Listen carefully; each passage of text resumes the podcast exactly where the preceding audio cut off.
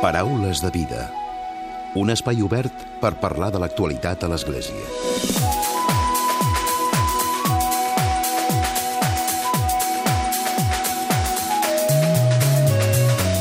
Què tal? Salutacions i molt bon dia, molt bon diumenge. Aquesta setmana s'ha presentat la publicació Un nou llibre sobre l'última exhortació apostòlica del papa Francesc, un treball que ha anat a càrrec del salesià Francesc Riu i que ha editat l'editorial EDB. Amb aquesta nova publicació, el pare Francesc Riu ens dona les claus d'interpretació per tal de comprendre la importància de l'alegria de l'amor, la darrera exhortació apostòlica del papa, elaborada a partir de dos sínodes, dels dos sínodes celebrats recentment sobre la família. De seguida saludem el pare Francesc Riu.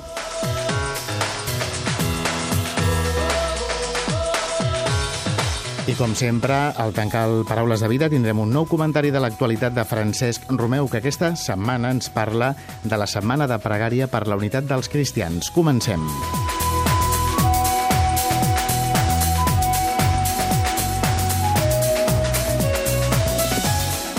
I saludem el pare Francesc Riu. Molt bon dia i benvingut al Paraules de Vida. Hola, molt bon dia, molt bon dia. Un nou llibre, un nou treball, de fet ens ha acompanyat en diverses ocasions per presentar-nos els seus treballs. Ara, en aquest cas, és per parlar de l'última exhortació apostòlica del papa Francesc, oi? Sí, sí, sí, sí. Uh -huh. Que s'ha presentat darrerament, sí. Exacte, s'ha presentat aquesta setmana que hem deixat enrere. El passat divendres es presentava. De fet, era una presentació que també anava a càrrec de l'arcabisbe de Barcelona, oi? Joan Josep Omella. Sí, sí, sí. Bueno, va ser ell que va mostrar molt interès en que jo fes amb aquesta exhortació apostòlica un treball semblant, anàleg, tot i que ha estat molt més complet del que vaig fer fa un any amb l'encíclica Laudato Si. De fet, el que dèiem ara a la portada, el pare Francesc Riu ens dona, ens explica, ens parla d'aquesta exhortació, però amb un llenguatge molt més didàctic i potser més entenedor, més clarificador, oi? Sí, el, el que em va moure ja eh, a fer aquell comentari sobre la Laudato Si i ara sobre l'exhortació apostòlica a, a Moris Letizia és la preocupació perquè els textos oficials difícilment arriben a la gent, eh, jo diria, poc avasada a llegir documents pontificis. I es queden, es queden aquests documents molt ben presentats, si tu vols, però, però no arriben a la gent. I aprofitant l'experiència que havia fet amb l'encíclica Laudato Si, se'm va pressionar molt per part de l'arcabisbe Omella i també del meu pare provincial que, que fes exactament el mateix o una cosa anàloga amb la Amoris Letizia. Uh -huh. I aleshores el que vaig fer va ser demanar la col·laboració d'uns matrimonis eh, que estan implicats en la pastoral familiar i també una parella de promesos que es preparen per casar-se perquè m'ajudessin a llegir, reflexionar i elaborar uns comentaris sobre els textos eh, presentats pel papa, amb un llenguatge, els mateixos textos, més assequible, jo diria, de més fàcil lectura i digestió. Per tant, diguéssim que ens parla de l'exhortació, però també amb exemples eh, reals i quotidians, no? No, no més, més que exemples, més que exemples és, eh, a part de presentar el text del papa, uh -huh. eh, amb, algunes, amb algunes anotacions que faciliten la lectura, després de cada capítol, abans hi ha una introducció al capítol explicant de què es tracta, justificant-ho. I després del capítol sobre els aspectes més importants de cada capítol, hi ha uns comentaris al mateix text per facilitar-ne més la comprensió. Uh -huh.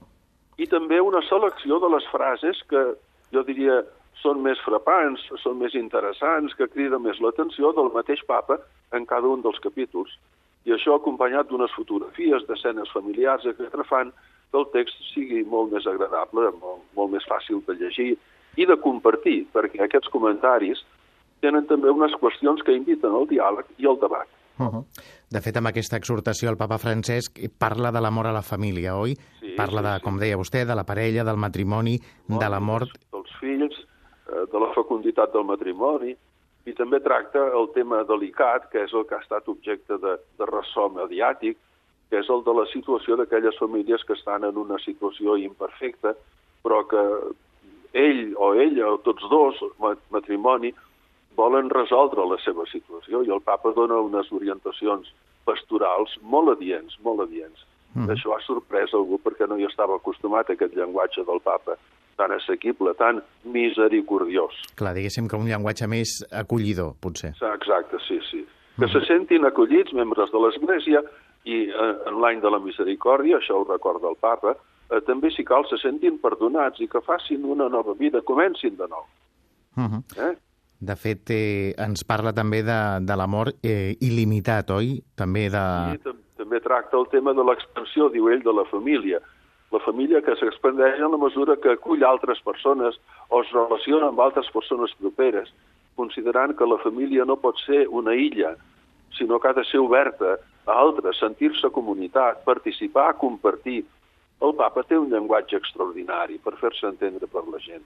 I, Mhm. I és una llàstima que la gent no hi tingui accés. Per això hem preparat aquest llibre. Es Mhm. presenta molt bé. De fet, es presenta com si fossin tres llibres, que són tres parts del mateix document, amb fotografies, i certament la lectura, jo, pel que m'han dit els que han vist el llibre, eh, molt interessant, molt, molt, molt assequible. Mhm. Hem de dir també, pare Francesc, que aquesta exhortació també es fa especialment important amb l'any jubilar de, de la misericòrdia, no? Que No, hem va, deixat... va néixer en aquest context, va néixer Clar. en aquest context. De fet, eh, és curiós veure com el papa va duent a la pràctica amb metodologies diverses, com pot ser exhortacions, encíclica, catequesis, les homilies a Santa Marta, eh, les salutacions a l'àngelus de cada diumenge, va aplicant sistemàticament la seva exhortació programàtica, la- la- l'alegria de l'Evangeli, Evangeli Gaudium, que va ser la primera que va escriure després d'aquell sínode que havia convocat el papa Benet XVI.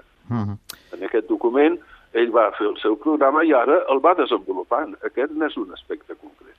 Els destinataris d'aquest llibre seria el públic en general, però també especialment els joves, oi? Jo, jo entenc que, que els destinataris són els joves que, encara que no sigui immediatament, però que pensen que arribarà un moment que es casaran, han de saber doncs, de què va això de l'amor i què va, de què va això de la sexuali- sexualitat.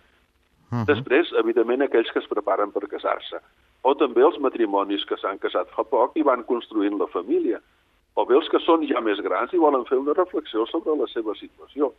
Eh, Els destinataris són molts, molts. Clar, de fet, també tota aquella persona que vulgui també conèixer de primera mà com és o què és el que diu concretament l'exhortació apostòlica, oi? Mira, pot ser molt interessant per als educadors de les escoles catòliques, escoles cristianes, que han d'ajudar els joves a conèixer a fons com entén l'Església i el papa Francesc, en aquest cas, l'amor i la sexualitat i la vida matrimonial, perquè es preparin també psicològicament per aquesta nova etapa de la seva vida. Uh -huh. com, com ha estat el procés d'elaboració i, de, i de preparació, pare Francesc? Eh, jo elaborava una proposta de textos sobre un capítol i el sotmetia a consulta d'aquests matrimonis i ens reuníem i en fèiem una llarga discussió, corregíem, afegíem, suprimíem i una cosa també que pot suscitar interès. Quan surt alguna expressió del papa que requereix una mica d'explicació, cada un dels, dels tres volums té un glosari explicant què significa aquella expressió. Si el papa parla, per exemple, d'església domèstica, què vol dir això? Si el papa parla de les noces de l'anyell, què vol dir això? Si el papa parla de divorci, què vol dir? Què és el divorci? Quan es dona el cas del divorci? Quina diferència hi ha entre matrimoni civil, matrimoni canònic, etc. Tot això està explicat en, en el glosari. Abans parlava també de frases que ha dit el papa. Quines podrien ser algunes d'aquestes frases? Doncs mira, una frase ben maca, diu així el papa, espera que recordi. Diu, és més propi de la caritat desitjar estimar que desitjar ser estimat. Uh -huh. Clar, sempre donar. Ajuda a pensar. És més propi de la caritat de desitjar estimar que desitjar ser estimat. Uh -huh. Desitjar estimar és un acte de generositat que et realitza.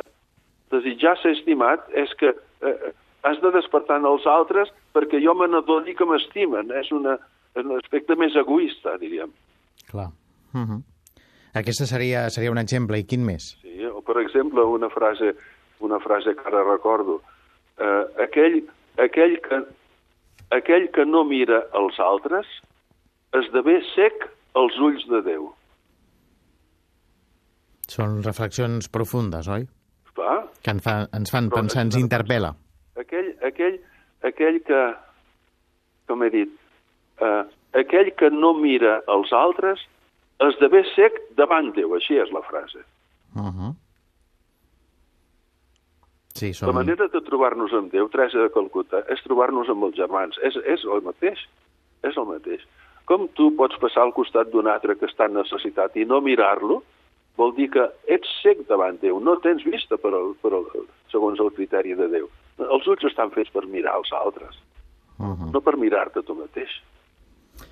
Doncs amb aquesta, de fet, amb aquesta exhortació el, el papa torna a recordar la, la importància no? de, de mirar a, a l'altra persona que tenim i, i sobretot en l'entorn de, de la família, de cuidar la família i de, i de donar suport a la família, en definitiva, oi?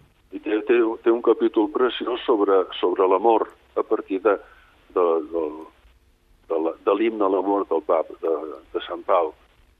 Un, un discurs preciós, reflexionant sobre l'amor. Què significa l'amor? L'amor no té enveja, l'amor... Eh? Uh -huh. Sí, sí, és preciós, preciós. L'amor cap, cap a... És preciós, que la gent hauria de, de llegir. Mira una de les sorpreses d'aquests matrimonis que van ajudar, que han disfrutat molt, si han sentit feliços, era precisament això. Com estem aprenent? I quina llàstima que la gent això no ho sàpiga. Clar, és el que, és el que vostè comentava, no? que, que potser a vegades, com si veiem un text oficial, en aquest cas no, no potser passem de llarg, i si està presentat d'una manera més didàctica i més entenedora, com és aquest cas, fa que, que la gent sí que se'l pugui mirar i conèixer, en definitiva. Mira, és com diferència entre una pel·lícula en blanc i negre i una pel·lícula en color. Uh -huh. La gent mira més, més atracció per al color, més que el blanc i negre. Clar i com, com ens explicava, de fet s'ha presentat aquesta passada setmana, ara ja s'ha ja editat, ja està, per tant, disponible per totes aquelles persones que, que el vulguin comprar, que el vulguin adquirir, oi, per a Francesc? Suposo que sí, suposo que sí. Uh mhm. -huh. Tot i que la idea de l'editorial era no posar-ho a l'abast fins a primers d'acabar el mes de gener, perquè és un mes no propi per, per posar més coses encara al mercat. Uh -huh. Però, però ha estat el mateix arcabisbe Omella que tenia pressa en presentar-lo. Bueno, bueno. De fet, ell ha volgut presentar-ho també pel fet de que ha fet s'han encarregat del pròleg, oi? Sí, sí, el pròleg és de l'arcabisbe Omella, sí. Uh -huh. Pròleg molt maco, molt maco un pròleg en el que també recorda aquesta importància de, de la família, seguint el fil del papa Francesc. Exacte. Mm. Doncs avui hem parlat amb el pare Francesc Riu, amb el salesià Francesc Riu, de la presentació aquesta passada setmana del seu últim treball, que és un llibre sobre l'última exhortació apostòlica del papa Francesc, L'alegria de l'amor, en què parla, en què reflexiona sobre la importància i el paper de la família a la nostra societat. Pare Francesc, gràcies, com sempre, per acompanyar-nos al Paraules gràcies. de Vida. Moltes gràcies, moltes gràcies. Paraules de Vida un espai obert per parlar de l'actualitat a l'Església.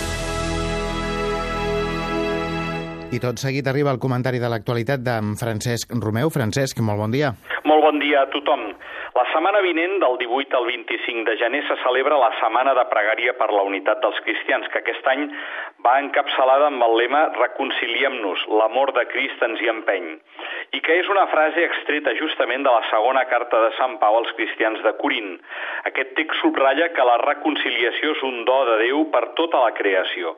Déu en Crist reconcilia el món, és a dir, el cosmos en grec, amb ell mateix, no tenint-li més en compte els seus pecats i a nosaltres ens ha encomanat l'anunci de la reconciliació. Com a conseqüència d'aquesta acció de Déu, la persona reconciliada en Crist és invitada al seu torn a proclamar la reconciliació de paraula i d'obra. L'amor de Crist ens empeny, diu Sant Pau, i per tant som ambaixadors de Crist i Déu mateix ens exhorta a través nostre. Us ho demanem en nom de Crist, reconcilieu-vos amb Déu.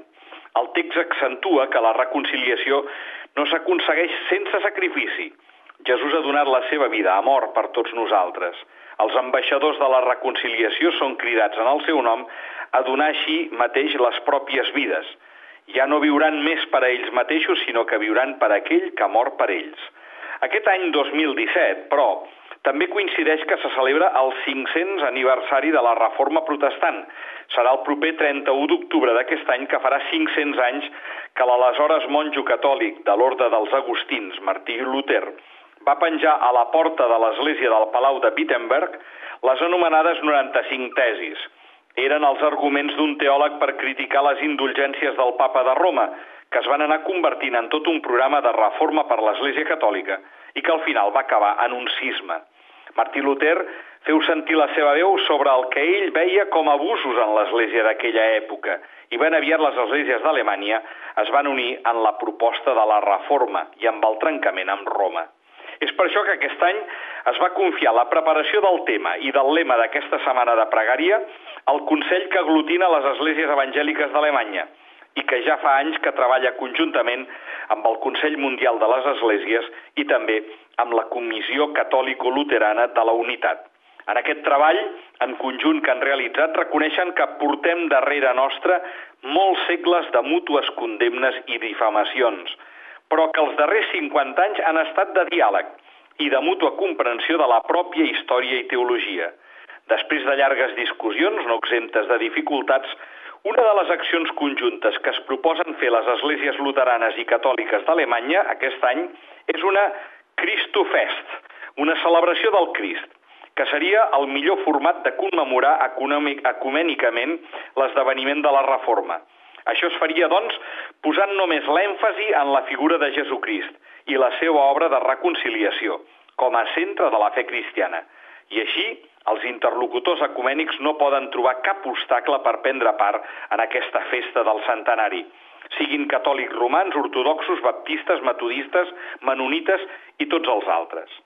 Pel que fa al tema d'aquest any, sobre la reconciliació, diuen que quan el Comitè Alemany de Planificació es va reunir, la tardor del 2014, aviat es van adonar que els textos per aquesta setmana de pregària per la unitat dels cristians havien de respondre a dos extrems – D'una part, a la celebració de l'amor i la gràcia de Déu, la justificació de la humanitat per la sola gràcia, que és el principal element sobre el qual se sustenten les esglésies de la reforma de Martí Luther. Però, de l'altra, també havien de mostrar el sofriment de les divisions que han afligit a l'Església, amb el reconeixement de les faltes comeses i l'oportunitat que ara tenim de fer passos vers la reconciliació. El papa Francesc que va començar aquesta celebració dels 500 anys de la Reforma Luterana a finals del mes d'octubre de l'any passat a la Catedral Protestant de Lund, a Suècia, ja va subratllar la importància que li devem a Luther i a la seva reforma, per tal que els cristians valorem i aprofundim molt més l'escriptura i descobrim en ella l'autèntic valor de la paraula de Déu, que ha de continuar essent al centre de les nostres comunitats cristianes, però alhora per ser autènticament creïbles i bons testimonis de tot això, també ens reclama tres coses. El perdó, la renovació i la reconciliació. Molt bon diumenge a tothom.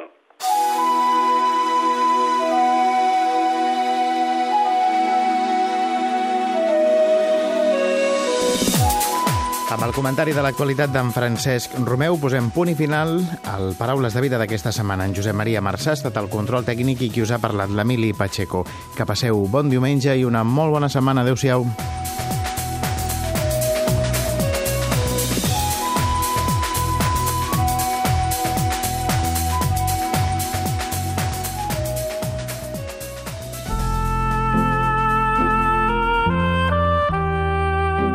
Us oferim la carta dominical de l'arcabisbe de Barcelona, Joan Josep Omella.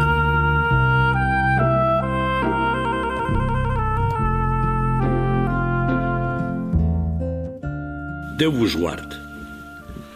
A la nostra societat, l'anomenada societat del benestar, s'ha enfosquit greument l'atenció a les persones, fins al punt que es valoren més les coses que l'ésser humà es valora més el tenir que l'ésser.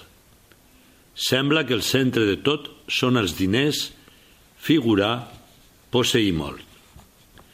La Bíblia, en el relat de la creació, ens descobreix que Déu ha situat l'home al centre. Tot el que ha creat és bonic i important. Els animals, l'aire, el sol, els estels, l'aigua... Però el més valuós és l'ésser humà. Déu el va fer constituint-lo com el veritable rei de la creació. Però a més el va crear a imatge seva. Això ho diu el text següent. Déu va crear l'home a imatge seva. El va crear a imatge de Déu. Crea l'home i la dona. I afegeix, Déu veié que tot el que havia fet era molt bo. Els dos, tant l'home com la dona, són imatge de Déu. Els dos tenen la mateixa dignitat i valor. Però, a més, el dinamisme de reciprocitat que anima els nosaltres de la parella humana és imatge de Déu. Més amunt em feia ressò de la qualificació de la societat del benestar que encara donem a la nostra societat.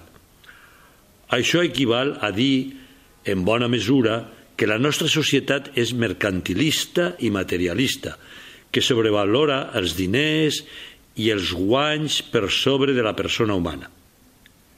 Quina descripció més bella ens fa llegar el papa Pau VI sobre el desenvolupament social i el desenvolupament dels pobles en la Popularum Progressio.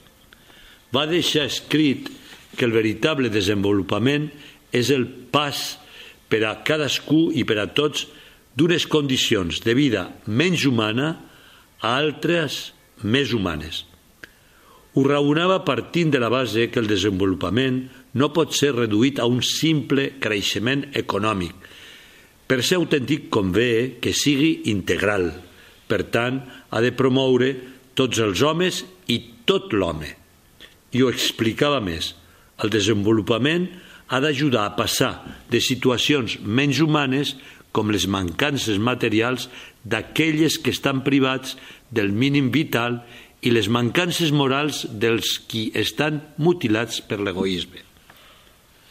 Menys humanes, les estructures opressores que provenen tant de l'abús de la possessió com de l'abús del poder, de les explotacions dels treballadors o de la injustícia de les transaccions. Més humanes, aixecar-se de la misèria a la possessió del que és necessari. La victòria sobre les calamitats socials, l'ampliació dels coneixements, l'adquisició de la cultura. Més humanes també, l'augment de la consideració de la dignitat dels altres, l'orientació cap a l'esperit de pobresa, la cooperació al bé comú, la voluntat de pau.